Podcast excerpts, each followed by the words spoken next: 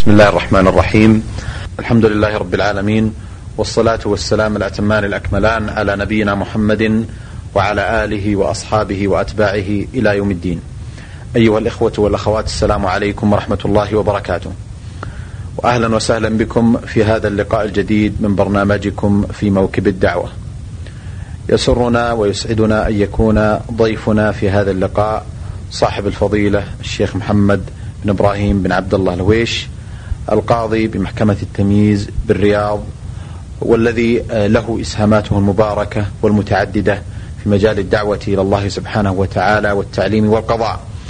لا أملك في مجالي أو في هذه اللحظات إلا أن أرحب باسمكم جميعا أيها الإخوة والأخوات بالشيخ محمد مقدما له بين يدي هذا اللقاء. عظيم الشكر وجزيل التقدير على قبوله دعوة البرنامج وإتاحته هذه الفرصة للحديث معه والاستماع إلى ذكرياته وحياته وسيرته وبيان شيء من جهوده وإسهاماته المباركة. فأهلا وسهلا بكم شيخ محمد. بسم الله والصلاة والسلام على رسول الله ومن استنى بسنته واهتدى بهداه. أهلا وسهلا بكم يا شيخ محمد وأسأل الله أن يتحقق في هذا اللقاء الخير والفائدة للجميع اللهم آمين. أه شيخ محمد أه في الحقيقة دائما أه عندنا الكثير من الأشياء التي نحب أن نتحدث أه معكم عنها أه لكن ابتداء أه كما تعودنا مع ضيوفنا الكرام من أصحاب الفضيلة العلماء والمشايخ أن نستمع إلى البدايات الأولى مولدا ونشأة أه وتعليما. أين كانت؟ ولدت في مدينة شقراء. تلك المدينة التي تبعد عن مدينة الرياض بحوالي 200 متر. كيلو. كي 200 كيلو متر وهي عاصمة الوشم منطقة الوشم. وفي هذه المدينة يعني درجت في صباي وألحقني والدي رحمه الله بالمدرسة الابتدائية بعد أن بلغت ست سنوات. وتخرجت منها في عام سبعين. وولادتي كانت عام 1358 وبعد أن تخرجت من دار من المدرسة الابتدائية بشقراء التحقت بدار التوحيد وهي مدرسة تجمع المرحلتين المرحلة المتوسطة والمرحلة الثانوية. كانت المرحلة المتوسطة هي عبارة عن دراسة ثلاث سنوات أما المرحلة الثانوية فكانوا يضغطون دراستها من ثلاث سنوات إلى سنتين. فكان مجموع الدراسة في المرحلتين هي خمس سنوات. بعد أن تخرجت من دار التوحيد التحقت بكلية الشريعة في مكة المكرمة وهي نواة التعليم الجامعي في المملكة. هي أول كلية فتحت في المملكة وبالنسبة لدار التوحيد وبالنسبة لعمق دار التوحيد وهي كلية الشريعة كلها أنشأت في عهد الملك عبد العزيز رحمه الله. كان هدفه من من إيجاد هذين الدراستين الممتدتين أو المؤسستين الممتدتين هو إيجاد كفاءات لتسد الحاجة في التعليم والقضاء.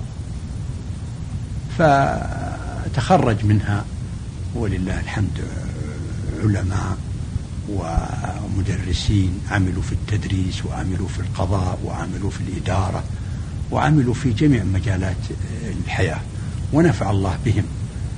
وأما بالنسبة لوالدي فكان والدي رحمه الله قاضيا.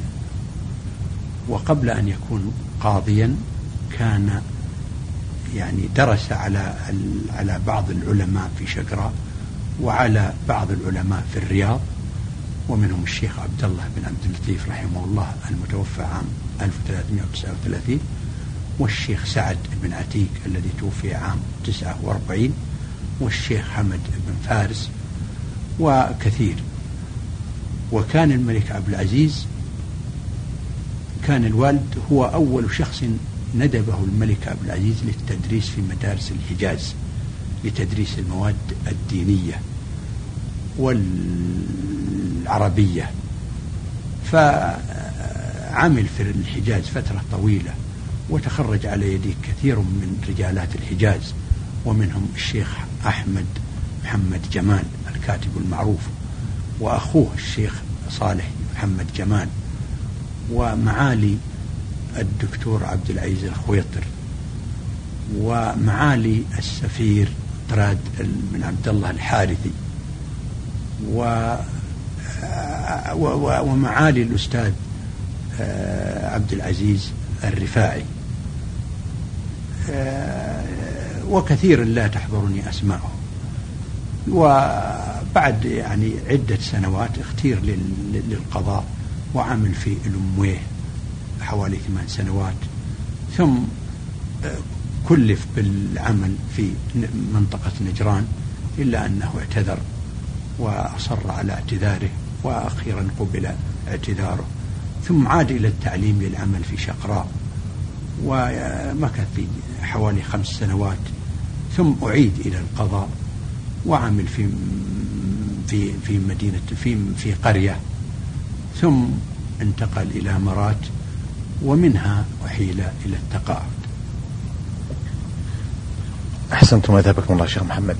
آه، شيخ محمد آه، قد يرد هنا سؤال عن سبب التحاقكم بكلية الشريعة في مكة وعدم التحاقكم بكلية آه، في الرياض.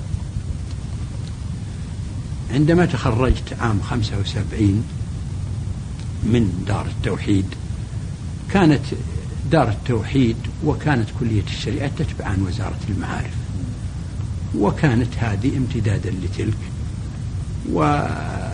وحقيقة إن, إن المعاهد زد فتحت في ذلك الوقت. نعم. عندما تخرجنا زد فتحت لكن لم يعني جد بدأنا دراستنا واستمرينا فيها وزملائنا ذهبوا إلى كلية الشريعة فواصلنا المسيرة معهم وعلى نفس الخط. إيه نعم. شيخ محمد آه، ذكرتم في ثنايا الحديث السابق آه، تأثركم بوالدكم عليه رحمة الله. والذي كان أحد أعلام التعليم آه، في المملكة وخصوصا في شقراء فكانت له أيادي معروفة وله سماته المباركة والمشهودة على التعليم هناك إضافة إلى ما عمله في سلك القضاء.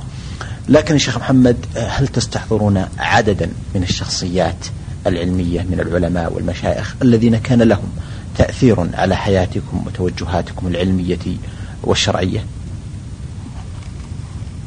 ما في شك الوالد أنه يأتي في طليعة الأشخاص اللي تلقيت عنهم التعليم في البدايات والذين كان لهم أثر كبير في في صياغتي. وبالنسبة لدراستنا لم تكن دراسة على حلقات. كان يعني طلعنا في وقت جد فتحت المدارس. نعم.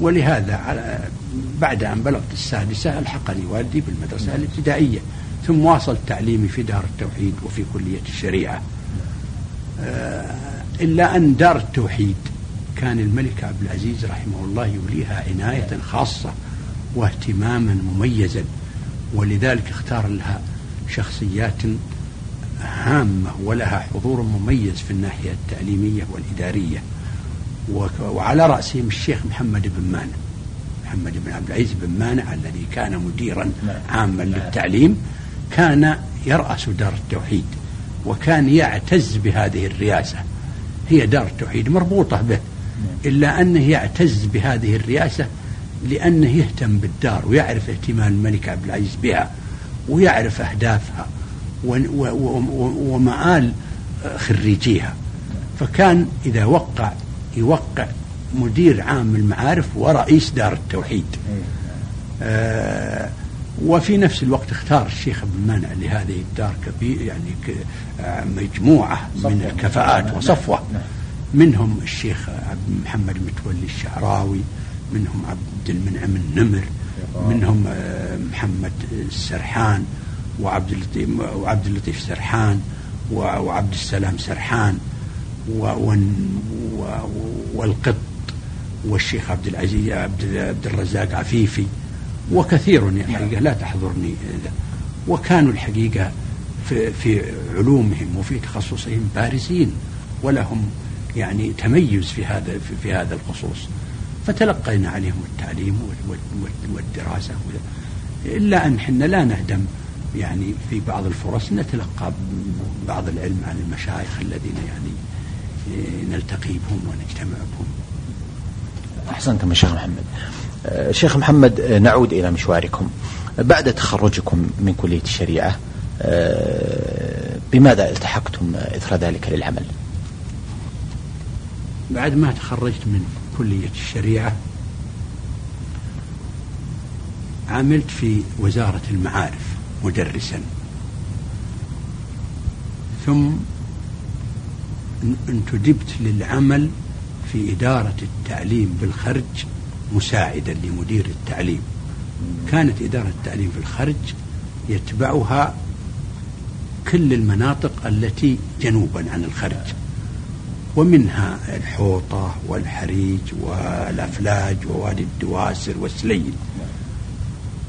فذهبت إلى إلى هناك وعملت أربعة أشهر ثم صدر يعني أو أو نقلت إلى إدارة التعليم الابتدائي في الوزارة مساعدا لمدير عام التعليم الابتدائي في الوزارة. عام كم كان ذلك؟ تذكرون؟ عام ثمانين. ثمانين. إي نعم. ومكثت في هذا العمل حوالي سنة. سنة. ثم فوجئت بأن صدر أمر سامي بنقلي إلى ديوان المظالم محققا شرعيا في آخر عام ثمانين. فعملت في الديوان فترة طويلة حوالي 16 سنة أو 17 سنة. بالضبط في عام 97 انتقلت من ديوان المظالم إلى دا إلى وزارة العدل مفتشا قضائيا. ومنذ أربع سنوات نقلت إلى العمل في هيئة التمييز قاضي تمييز. أثابكم الله شيخ محمد. آه، شيخ محمد آه، ذكرت أنا في مطلع الحديث وأشرتم أنتم أيضا إلى آه، أنتم ولله الحمد تخرجتم من أسرة علمية معروفة وصالحة وظهر العديد من الشخصيات التي لها إسهامها المبارك في العلم والقضاء منهم وعلى رأسهم والدكم رحمه الله وأخوكم الشيخ عبد العزيز أيضا والذي عمل في ديوان المظالم. أجد أنها فرصة أيضا لتحدثونا عن الشيخ عبد العزيز رحمه الله والذي آه، كان شخصية علمية آه، وأدبية معروفة. فهل لكم أن تسمعوا الإخوة من المستمعين والمستمعات إلى نبذة عن آه، حياته رحمه الله؟ الشيخ عبد العزيز كان يكبرني بتسع سنوات وكان رحمه الله بمثابة بعد الوالد وكلنا نتلقى توجيهاتنا من الوالد. كان يقوم بمثابة الشخص الثاني بالنسبة لي. فذهبت أنا وياه هو بعد أن تخرج من المرحلة الابتدائية في مكة كأيام كان الوالد في مكة يعمل التحق بالمعهد السعودي في مكة ودرس ودرس ثلاث سنوات ثم حصل على مرحلة الكفاءة أو شهادة الكفاءة. ثم الوالد انتقل للمويه وانتقل معه الأخ عبد العزيز. ثم انتقل الوالد الشقرة وانتقل معه الأخ عبد العزيز رحمهم الله. ثم عمل عبد العزيز مدرسا في مدرسة شقرة. وعليه تتلمذت فهو أستاذ لي. الوالد نقل إلى زرية. أما بالنسبة لي أنا وأخي عبد العزيز فذهبنا إلى دار التوحيد لنواصل تعليمنا دخل الشيخ عبد العزيز الله يغفر له سنة رابعة دار التوحيد. وأنا دخلت بحكم شهادتي الابتدائية السنة الأولى. وواصلنا مسيرتنا مكثت أنا والشيخ عبد العزيز في الطائف حوالي سنتين بالضبط سنتين. ثم هو رحل لكلية الشريعة في مكة وبقيت في دار التوحيد. عندما رحلت إلى كلية الشريعة في مكة اجتمعت بالسنة. كان في سنة رابعة وأنا كنت في سنة أولى. وكان رحمه الله رجلا مميزا وهو من العلماء الربانيين الذين طلب العلم للعلم وكان نموذجا يعني صالحا. والوالد هو هو أعلى منه مقاما في هذا الموضوع وأرفع منه كعبا نعم. ما في شك. لكن الشيخ عبد العزيز في جيله يعتبر مميز. ولا جيل الوالد كلهم من هذه النوعية ولا يستغرب عليهم هذا الشيء. الشيخ عبد العزيز بعد ما تخرج رشح للعمل في قضاء نيزة.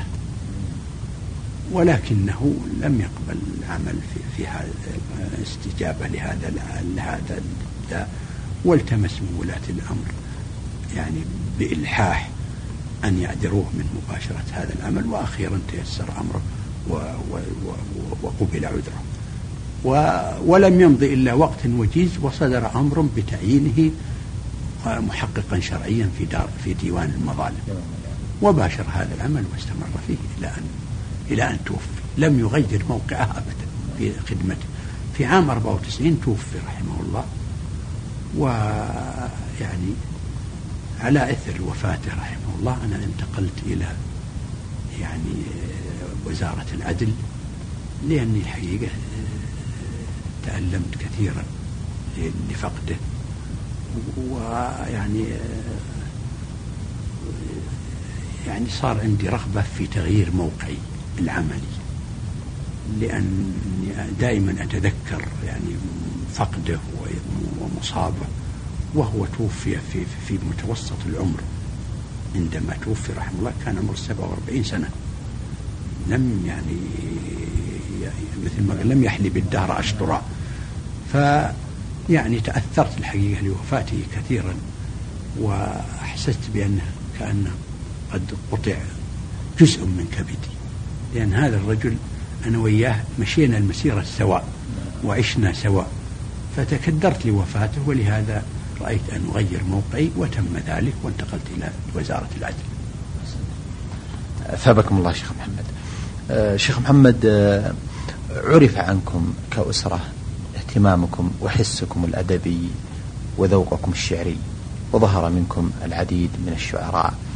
آه، أخص منهم ضيفنا الكريم والكبير الشيخ محمد بن إبراهيم الهويشي شيخ محمد آه، لكم إسهامات وقصائد وكتابات شعرية. فضلا عن حسكم وذوقكم الأدبي المعروف والذي علمت أنكم تحفظون من خلاله آه، آلاف الأبيات من آه، روائع وبطون وأمهات القصائد العربية في العصرين الجاهلي والإسلامي. كيف كان اهتمامكم الشعري والأدبي هذا شيخ محمد مع توجهكم الشرعي المعروف عنكم؟ هو الرغبة الجادة في دراسة العلوم الشرعية. هذا شيء يعني مؤكد ولا غبار عليه. ولهذا اتجهنا إلى هذا النوع من الدراسة. وأحب أن أنوه إلى أن دراستنا في دار التوحيد ودراستنا في كلية الشريعة كانت يعني دراسة تجمع بين الصفتين العلوم الشرعية والعلوم الأدبية. ثم نسيت أن أقول لك بأنني بعد أن رجعت إلى الرياض التحقت بالمعهد العالي للقضاء. وكنا أول فوج التحق بالمعهد العالي للقضاء في عام 86 تذكرون أبرز الزملاء الذين كانوا معكم في المعهد شيخ؟ نعم. منهم معالي الشيخ صالح بن محمد الحيدان والشيخ عبد الله بن سليمان بن منيع والشيخ محمد بن عبد الله بن الأمير والشيخ عبد العزيز أخوي الله يرحمه والشيخ حمود بن عبد العزيز الفايز والشيخ عبد العزيز بن ربيعة وكثيرون الحقيقة والشيخ صالح الجيدي وكثيرون يعني دفعتنا كانت حوالي عشرين عشرين شخص نعم. وتخرجنا عام تسعة وثمانين اي نعم ثم أعددت الحقيقة شرعت في الدكتوراه وأعددتها لكن أعمالي القضائية وما يتطلبه من تفرغ وحال الحقيقة دون إكمال يعني يعني الحصول على الشهادة كشهادة. نعم. وإلا البحث أعد والموضوع انتهى. آه، بالنسبة لعلاقتي بالشعر فهي علاقة يعني قديمة على ما قالوا. ووجدت في ذاتيا.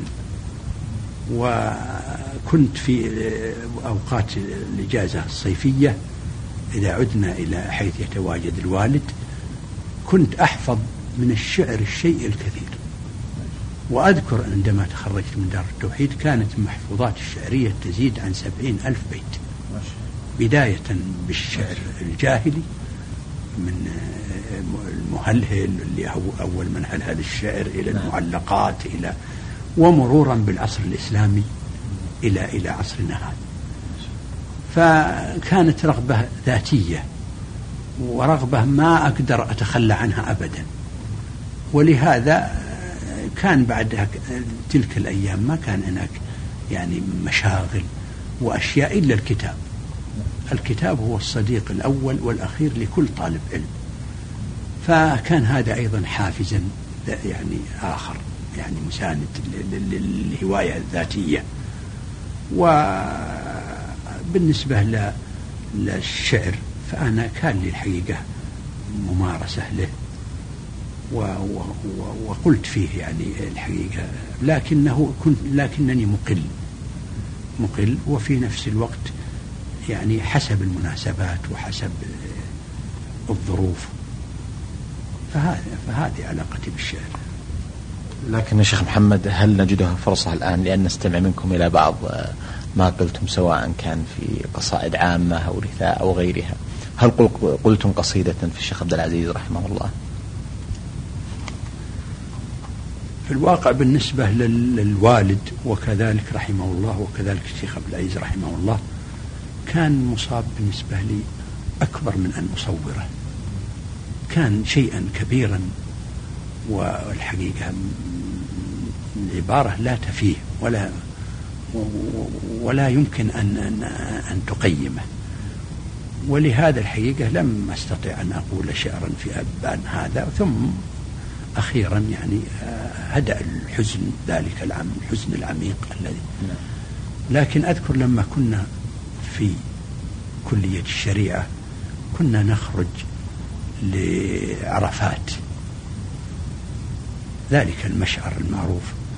وجبال مكة مثل ما تعرف جبال عارية من الخضرة. وليس فيها يعني مناظر طبيعية لكن الله كساها جمال وروعة وهيبة. فكانت تلك الجبال أوحت لي بمقطوعة شعرية ما زلت أحفظها وأنا لا أحفظ شعري وأكثر ضاع ففيها أقول دعوني أشهد السحر الحلال. وأستجلي السعادة والجمال. ففي هذه البقاع سكبت دمعي ومن عرفات لن أرضى انتقالا. بلاد شيد الإسلام فيها مشاعر راعها الله ابتهالا.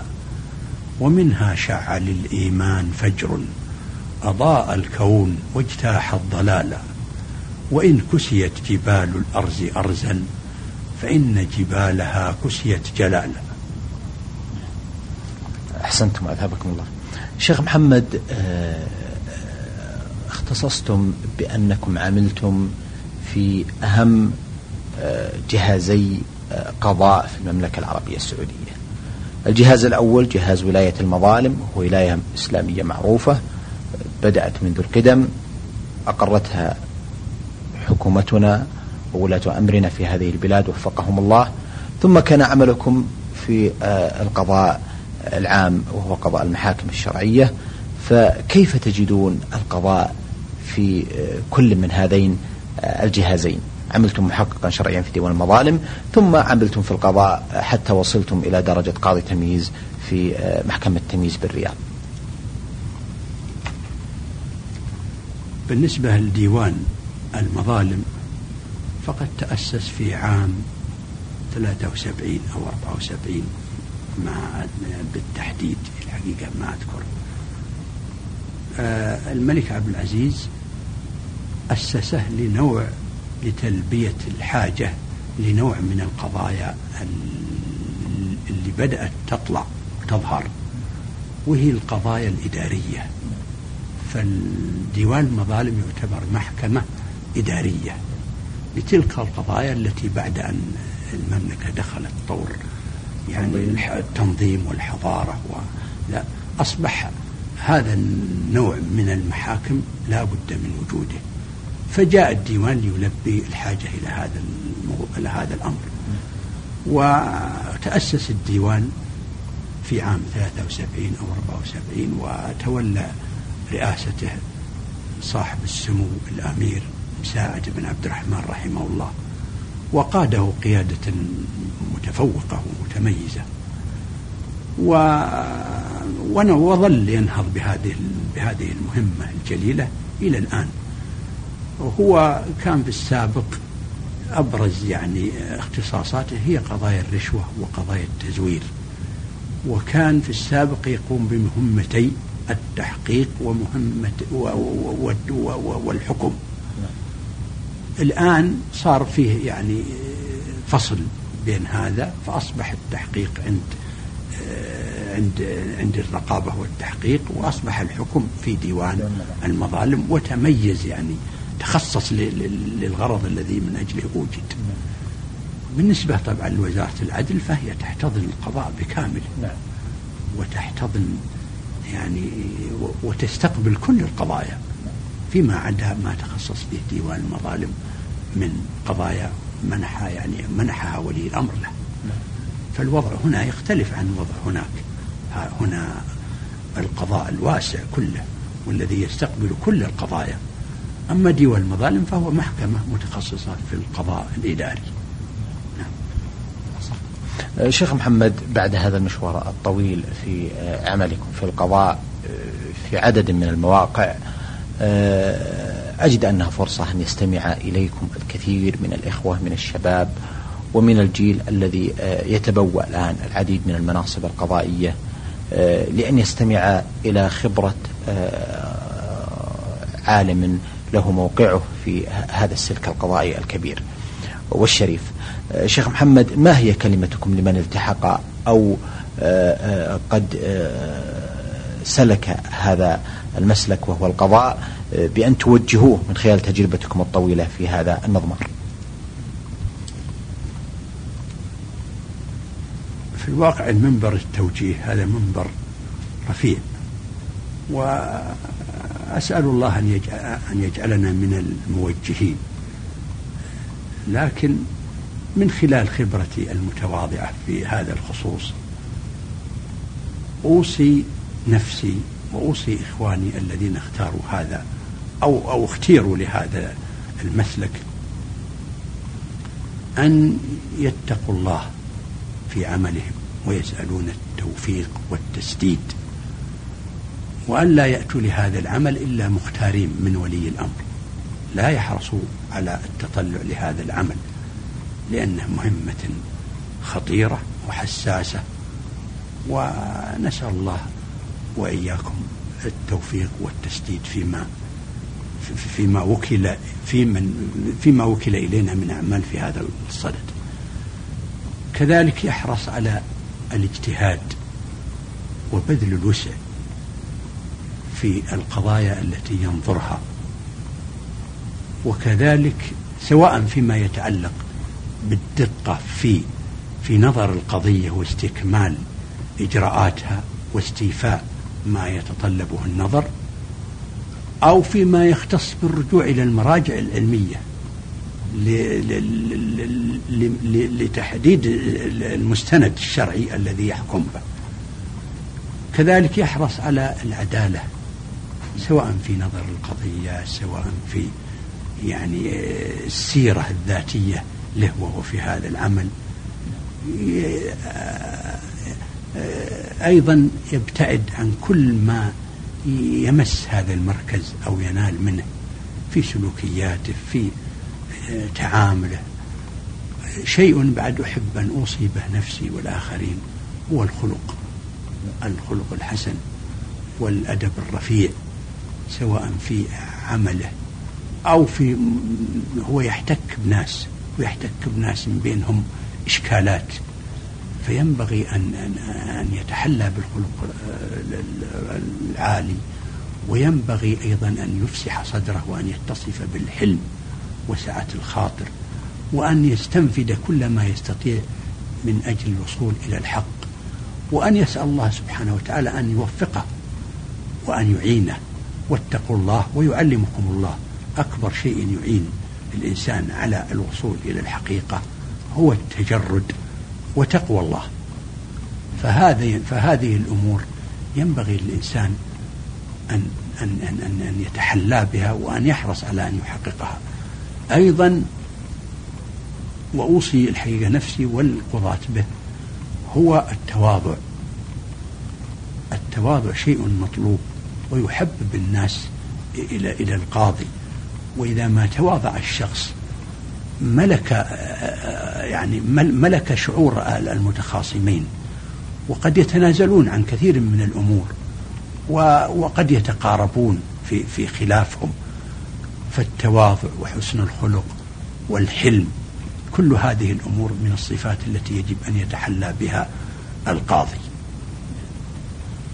أحسنتم اثابكم الله. شيخ محمد الحقيقة بودي أن أسترسل معكم كثيرا في العديد من الجوانب المهمة التي أحسب أن الكثير من المستمعين والمستمعات سيستفيدون منها بإذن الله تعالى. إلا أنني أرى أن وقت الحلقة لا يسمح لي بمزيد من ذلك أستأذنكم شيخ محمد أن نتوقف عند هذا الحد راجيا أن يكون في كلماتكم وحديثكم النفع والفائدة للجميع أيها الأخوة والأخوات كان ضيفنا في هذا اللقاء صاحب الفضيلة الشيخ محمد بن إبراهيم بن عبد الله الهويش شكر الله لفضيلته ونلقاكم على خير في مثل هذا اليوم من الأسبوع القادم. وتقبلوا تحية من محدثكم محمد بن عبد الله مشوح. والسلام عليكم ورحمة الله وبركاته. في موكب الدعوة إعداد وتقديم محمد بن عبد الله المشوح.